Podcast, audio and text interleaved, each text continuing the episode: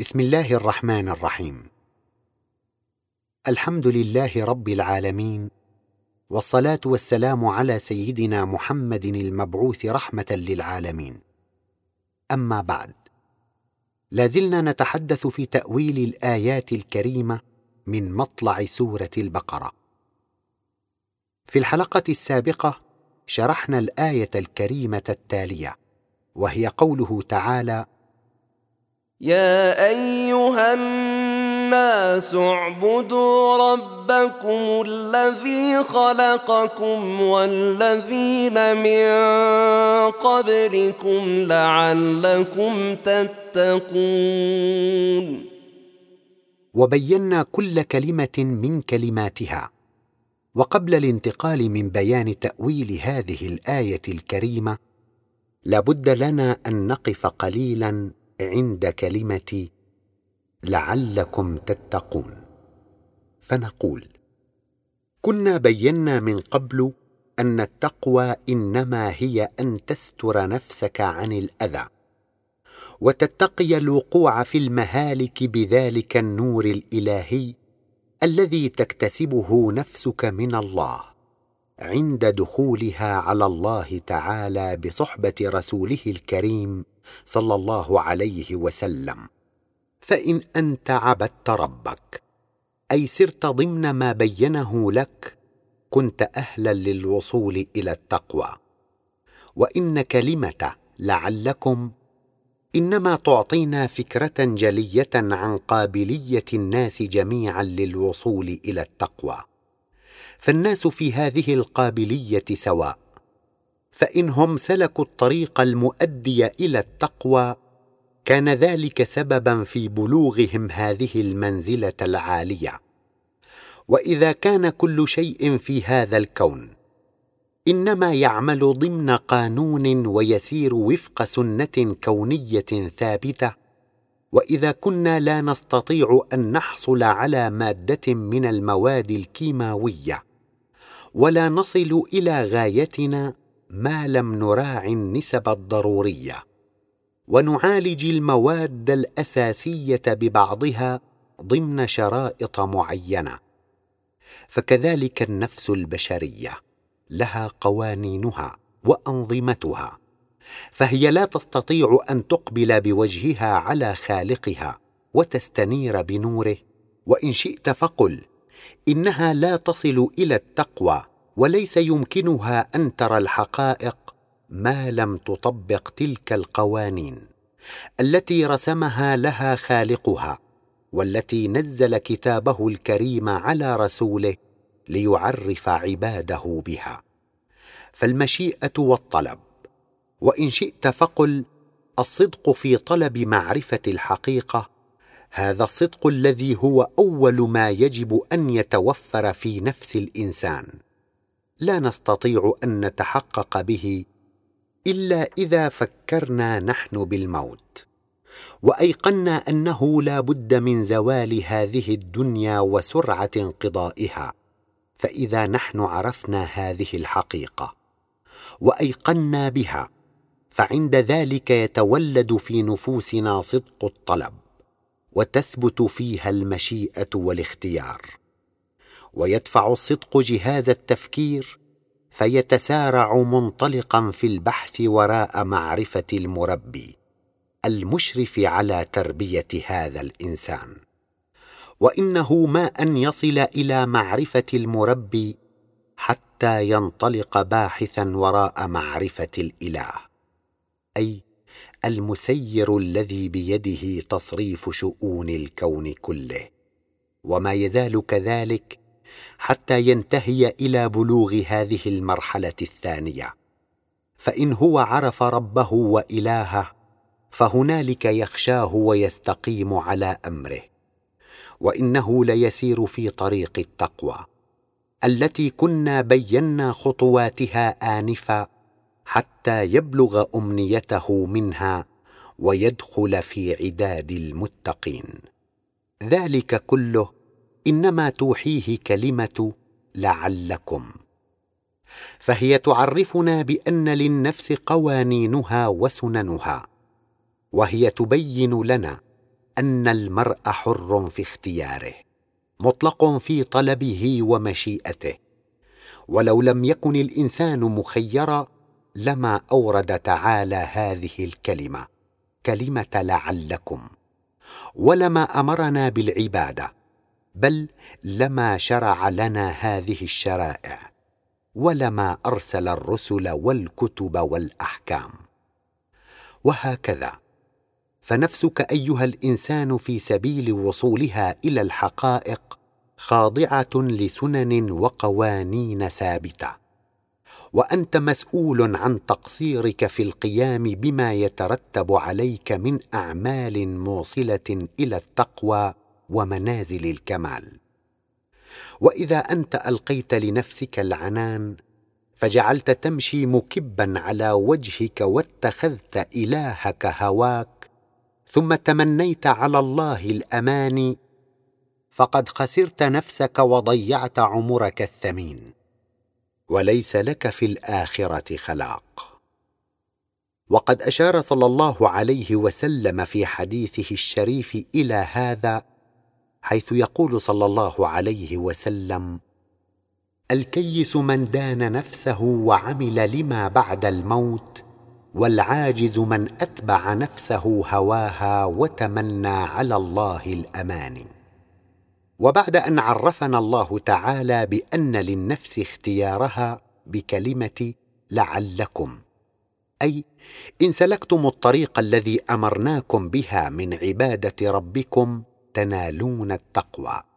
كما أراد تعالى أن يعرفنا بناحية من نواحي تربيته فقال تعالى الذي جعل لكم الأرض فراشا.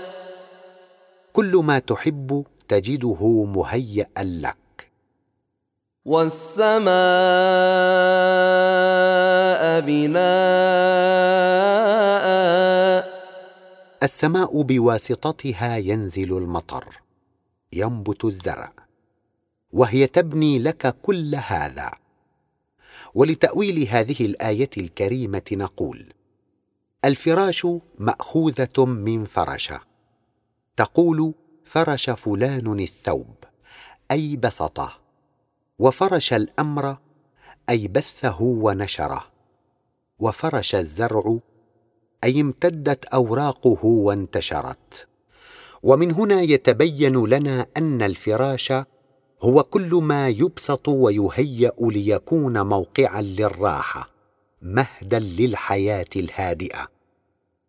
يقال فراش الطائر عشه وفراش اللسان موقعه من الفم. وهكذا.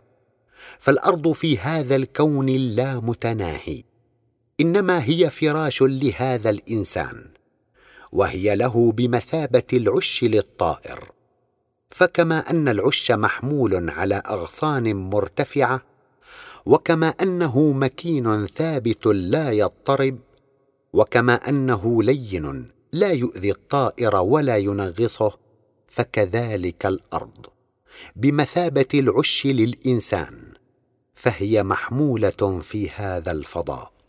ثابتة من أن تميد بك ممهدة مذللة لك وما عليك أيها الإنسان حتى تعرف ربك وتقدره إلا أن تنظر إلى هذا الكون وتفكر كيف أن الأرض فراشك وموقعك منه.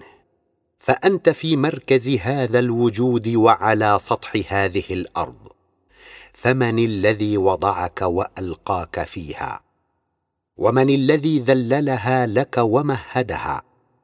من الذي تحرسك عينه ولا تنام؟ ومن الذي يرعاك ويشرف عليك بالليل والنهار؟ أما كلمة السماء فإنما هي مأخوذة من سما بمعنى علا وارتفع. تقول سما فلان إلى كذا أي شخص وسمت نفسي إلى معالي الأمور. والسماء كل ما علاك فأظلك. تقول سماء المدينة وسماء الغرفة وسماء الكون وهكذا. فهذه النجوم المتشابكة في هذا الفضاء من فوق الأرض. إنما هي أيضا سماء.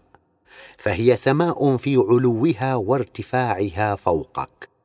وهي بناء في تشابك بعضها في بعض ووقوفها متماسكة في هذا الفضاء.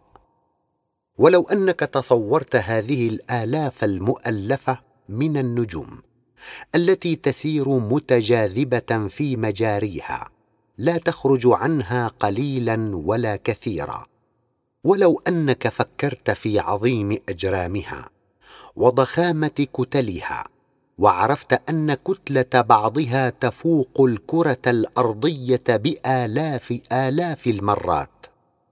ولو أنك أمعنت النظر قليلا في تماسكها وقيامها وبنائها بناء محكما متماسكة أجرامه وبين كل جرم وجرم آلاف السنين الضوئية لهالك الأمر. فاستعظمت تلك القوة التي تسري فيها جميعها فتجعلها تتماسك وتتجاذب وتجري على هذا النظام فيما رسم لها من مجار وأفلاك. أقول إذا فكرت هذا التفكير فلا شك أنك تدرك طرفا من عظمة خالقك العظيم وقدرة ربك العلي الكبير. وذلك ما نفهمه من الآية الكريمة في قوله تعالى الذي جعل لكم الأرض فراشا والسماء بناء. ولا يظن ظان أن كلمة والسماء بناء إنما يقتصر معناها على ما بيناه في شرحنا السابق من حيث وقوف هذه النجوم متماسكة متشابكة في السماء. بل إن كل بناء جسدي لكافة المخلوقات الحية شاملة الإنسان والحيوان والنبات وكل ما تسري به الحياة إنما هو من عمل السماء وبنائها. بل وبقاؤها جميعها مبني على إمداد السماء ورجعها على الأرض بالأنوار والأمطار والخيرات. قال تعالى في سورة الذاريات وفي السماء رزقكم وما توعدون. فهذه النجوم المتماسكة إنما هي ناحية من النواحي التي تصفها كلمة السماء. وكلمة السماء إنما تشمل أشياء كثيرة. سنفصلها في مواضعها من هذه السورة ببعض التفصيل. وكل ما تراه محيطا بهذه الأرض من فوقها فهو سماء وبناء. ويستلفت نظرك ويستحق أن تعمل فيه فكرك لتتوصل إلى معرفة خالقك ومربيك. ثم لفت تعالى نظرنا إلى نزول الأمطار من السماء فقال تعالى وأنزل من السماء ماء فأخرج به من الثمرات رزقا لكم وتريد هذه الآية الكريمة الآن أن تعرفنا بفضل ربنا علينا وتذكرنا بناحية أخرى من نواحي تربيته إيانا. فلنفكر الآن بهذا النظام الذي يتم بموجبه نزول الأمطار من السماء. ولنتساءل من الذي أوجد على سطح هذه الأرض تلك الجيوب الواسعة؟ وملأها بهذا الماء وجعل من البحر مستودعا عظيما تستمد منه الأمطار ماءها. من الذي جعل الشمس سراجا وهاجا؟ تضرب بأشعتها الحارة سطح البحار فيتبخر ماؤها بلطف رائع وخفاء على شكل بخار ماء تجعله يعلو متصاعدا في طبقات الهواء. من الذي يؤلف بين هذه الذرات فيجعلها ركاما تجري بنظام مغدق مونق في الفضاء؟ هل هذه الذرات ذرات عاقلة مفكرة تنتظم بهذا النظام البديع الذي يكاد يذهب بالأبصار إلى مبدعها؟ هل هي بذاتها تنظم هذا النظام المزهر المثمر؟ أم أنت الذي تنظمها يا إنسان؟ انظر مدققا مفكرا بها. هل أنت مبدعها؟ ابحث طالبا مبدعها الذي أبدعها وأبدعك وأبدع الكون كله لأجلك. من هو؟ وأين هو؟ اطلبه تجده. فإن وجدته أبدع لك ما لا عين رأت. ما هذه القوة الجاذبة التي تتمركز في وسط السماء؟ فتجذب إليها جميع الذرات وتجعل من السحابة الواحدة وحدة متجاذبة أجزاؤها متماسكة ذراتها. ما هذه الرياح التي تهب هبوبها المنظم؟ فتشكل من بخار الماء الخفي عن الأعين غيوما وسحابا. فتسوق السحب من مواطن تشكلها وولادتها إلى مواطن هطولها. والمناطق التي يجب أن تنعقد فيها أمطارها. هل هي الرياح من ذاتها تفعل ما تفعل؟ أم أن وراءها يدا عليمة منظمة مسيطرة قادرة؟ من الذي يجعل هذا الجو السماوي حين هطول الأمطار باردا شديد البروده من الذي يكهرب الجو تلك الكهربه هل بذاتها من ذاتها؟ من الذي يغير الضغط الجوي؟ ويجعل من ذلك سببا عاملا في تقارب ذرات السحاب وتكاثفها ثم فصلها وإنزالها نقاطا فرادا. وللعجب العجاب أن نقاط الأمطار هذه لا تنضم لبعضها بعضا إذ لو انضمت هذه المياه لبعضها ونزلت على شكل أنهار من السماء لخربت ما على سطح وجه البسيطة. من المسيطر على كل نقطة حتى تصل إلى الأرض لوحدها فرادا وهطولها أمطارا. من المهيمن على كل ذرة ماء وندفة ثلج فيسيرها حتى تصل إلى الأرض دون تصادم ولا التحام بل تصل فرادى كل منها لوحدها. ذلك كله إنما تعمله يد ذلك الرب العطوف الرحيم بنا الذي خلقنا والذين من قبلنا. وذلك طرف مما نفهمه من كلمة وأنزل من السماء ماء. فما أعظم التقوى؟ ووصول النفس إلى هذا الرب العظيم المحب الرحيم. وصولا شهوديا لأسمائه الحسنى يقينيا لا ريب فيه. ولكن ما هي فائدة هذا الماء الذي يهطل من السماء؟ لقد بينت لنا ذلك الكلمة التالية في قوله تعالى فأخرج به من الثمرات رزقا لكم. هذا الماء المتساقط من السماء. هذا الماء الذي يحوي ما يحويه من الحيويات أي الفيتامينات. إنما تتلقفه الأرض ويمتصه التراب.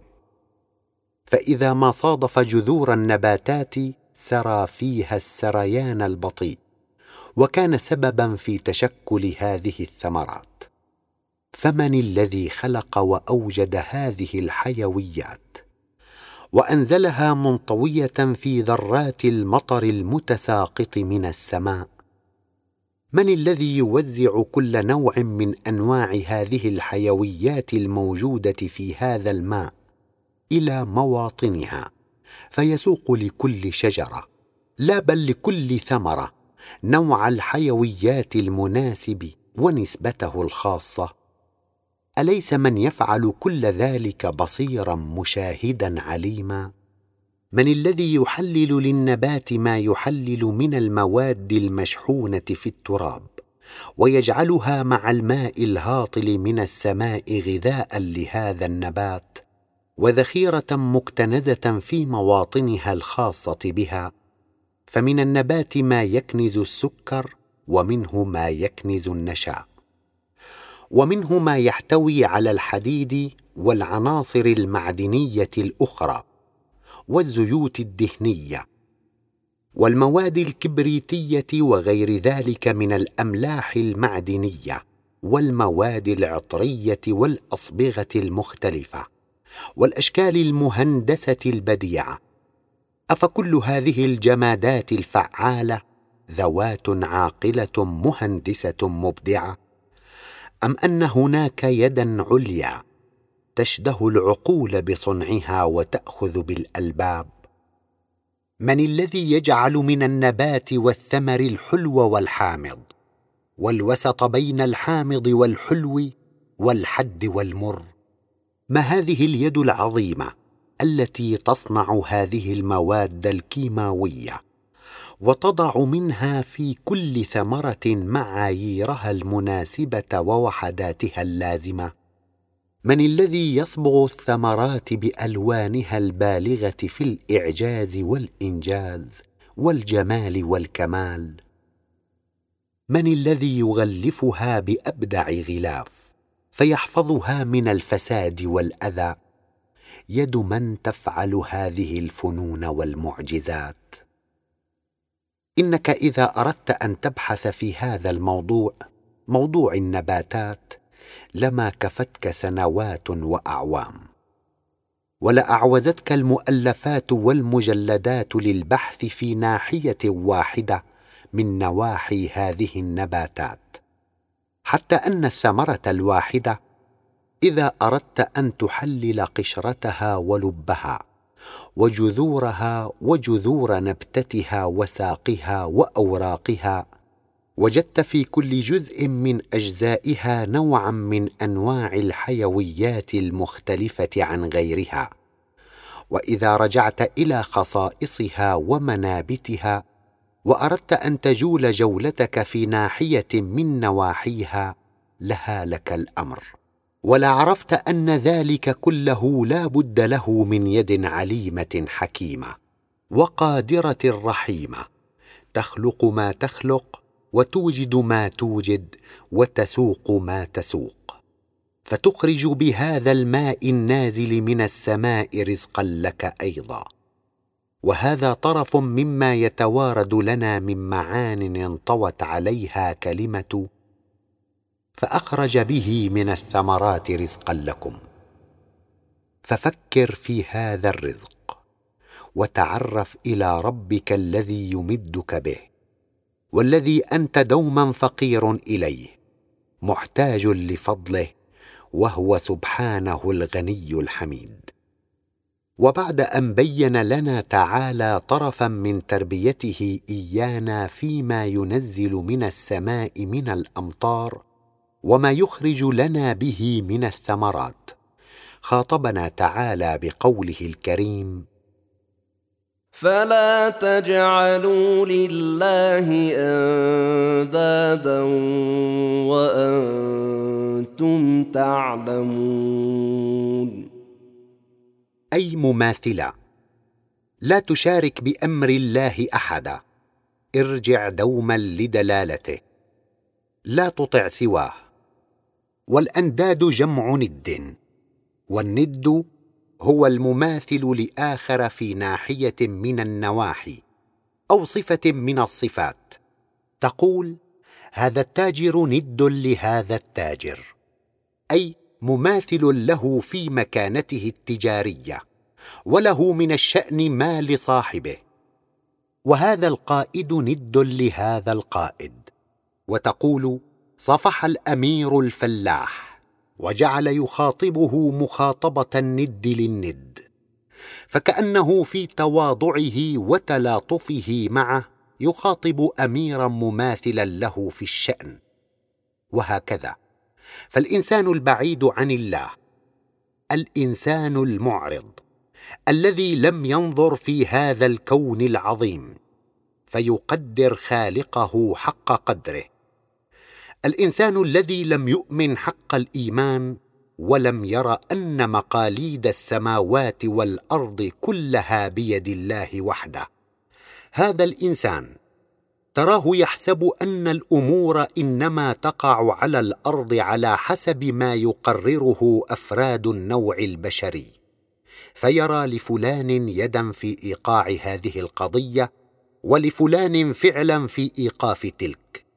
وهو يظن أن التزلف إلى فلان سبب في وصوله إلى ما يبتغيه وأن فلانا الحاكم قد يحكم له بما يريد إذا تودد إليه وأغراه بالمال وأن فلانا الطبيب رجل ماهر في الطب وقد أعطاه دواء فكان من جراء ذلك أن خلصه من مرضه. وهو إلى جانب ذلك كله تراه جبانا يخشى لقاء العدو. فيحسب أنه لا طاقة له بلقاء عدوه الكثير في عدده وعدده. وهكذا. فالبعيد عن الله يرى أن الناس لهم فعل وقوة وتصرف في الوقائع.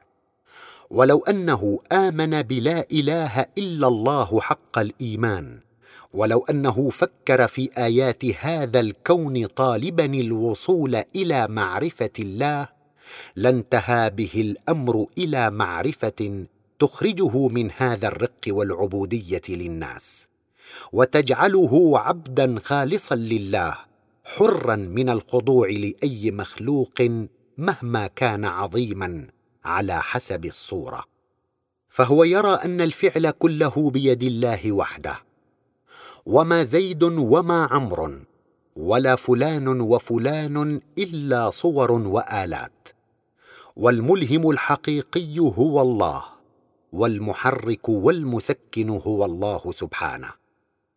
فهو تعالى يلهم ما يشاء لمن يشاء ويسخر من يشاء لمن يشاء ويجمع من يشاء بمن يشاء ويعز من يشاء ويذل من يشاء. ويؤتي الملك من يشاء وينزع الملك ممن يشاء ويسوق لكل ما يناسبه على حسب حاله وعلى حسب ما استقر في نفسه وأنه تعالى بيده الخير كله. وإلى ذلك أشار الحديث الشريف في قوله صلى الله عليه وسلم لكل شيء حقيقة وما بلغ عبد حقيقة الإيمان حتى يعلم أن ما أصابه لم يكن ليخطئه وأن ما أخطأه لم يكن ليصيبه. وقوله صلى الله عليه وسلم في حديث آخر حيث يوصي ابن عمه عبد الله بن عباس رضي الله عنهما بعد إيمانه بالله. إذ يقول صلى الله عليه وسلم احفظ الله يحفظك احفظ الله تجده تجاهك إذا سألت فاسأل الله وإذا استعنت فاستعن بالله. واعلم أن الأمة لو اجتمعت على أن ينفعوك بشيء لم ينفعوك إلا بشيء قد كتبه الله لك. وإن اجتمعوا على أن يضروك بشيء لم يضروك إلا بشيء قد كتبه الله عليك. هذا وبعد أن عرفنا تعالى بأنه خلقنا. وخلق آباءنا الذين من قبلنا وأنه سبحانه هو المربي المشرف على تربيتنا فهو الذي جعل لنا الأرض فراشا والسماء بناء وأنزل من السماء ماء فأخرج به من الثمرات رزقا لنا طلب تعالى منا. فلا تجعلوا لله أندادا وأنتم تعلمون. أي وأنتم تعلمون أن إنزال المطر وإخراج الثمرات بيد الله تعالى وحده وعائد إليه. هل من أحد غيره؟ فالمتكفل برزقك والذي بيده معاشك. إليه مردك في جميع أمورك. فلا تظنن أن في هذا الكون يدا تعمل غير يده تعالى. والكون كله خاضع له مسير بأمره. وما من شفيع إلا من بعد إذنه. أقول إذا أنت فكرت فيما أورده تعالى لك في صدر هذه الآية الكريمة وكنت صادقا في طلب الحقيقة انتهيت إلى الإيمان بلا إله إلا الله وعلمت أن الخلق كلهم بيد الله فلا يسوق الخير إلا الله ولا يصرف السوء إلا الله وما كان من نعمة فمن الله وأنه لا حول ولا قوة إلا به سبحانه وتعالى. أما الذين يعتمدون الإقرار النقلي دون التحقيق لبلوغ الشهود اليقيني العقلي فإيمانهم هذا لا يكفي. فلا بد من الإيمان المبني على التفكير حتى تعقل النفس الوجود الإلهي والعظمة الإلهية عقلا شهوديا. وفي الحديث الشريف الدين هو العقل ومن لا عقل له لا دين له. إن لم تعقل لن تستفيد شيئا. نكتفي اليوم بهذا القدر. ونتابع حديثنا في تأويل الآيات الكريمة في الحلقة القادمة إن شاء الله. والسلام عليكم ورحمة الله وبركاته.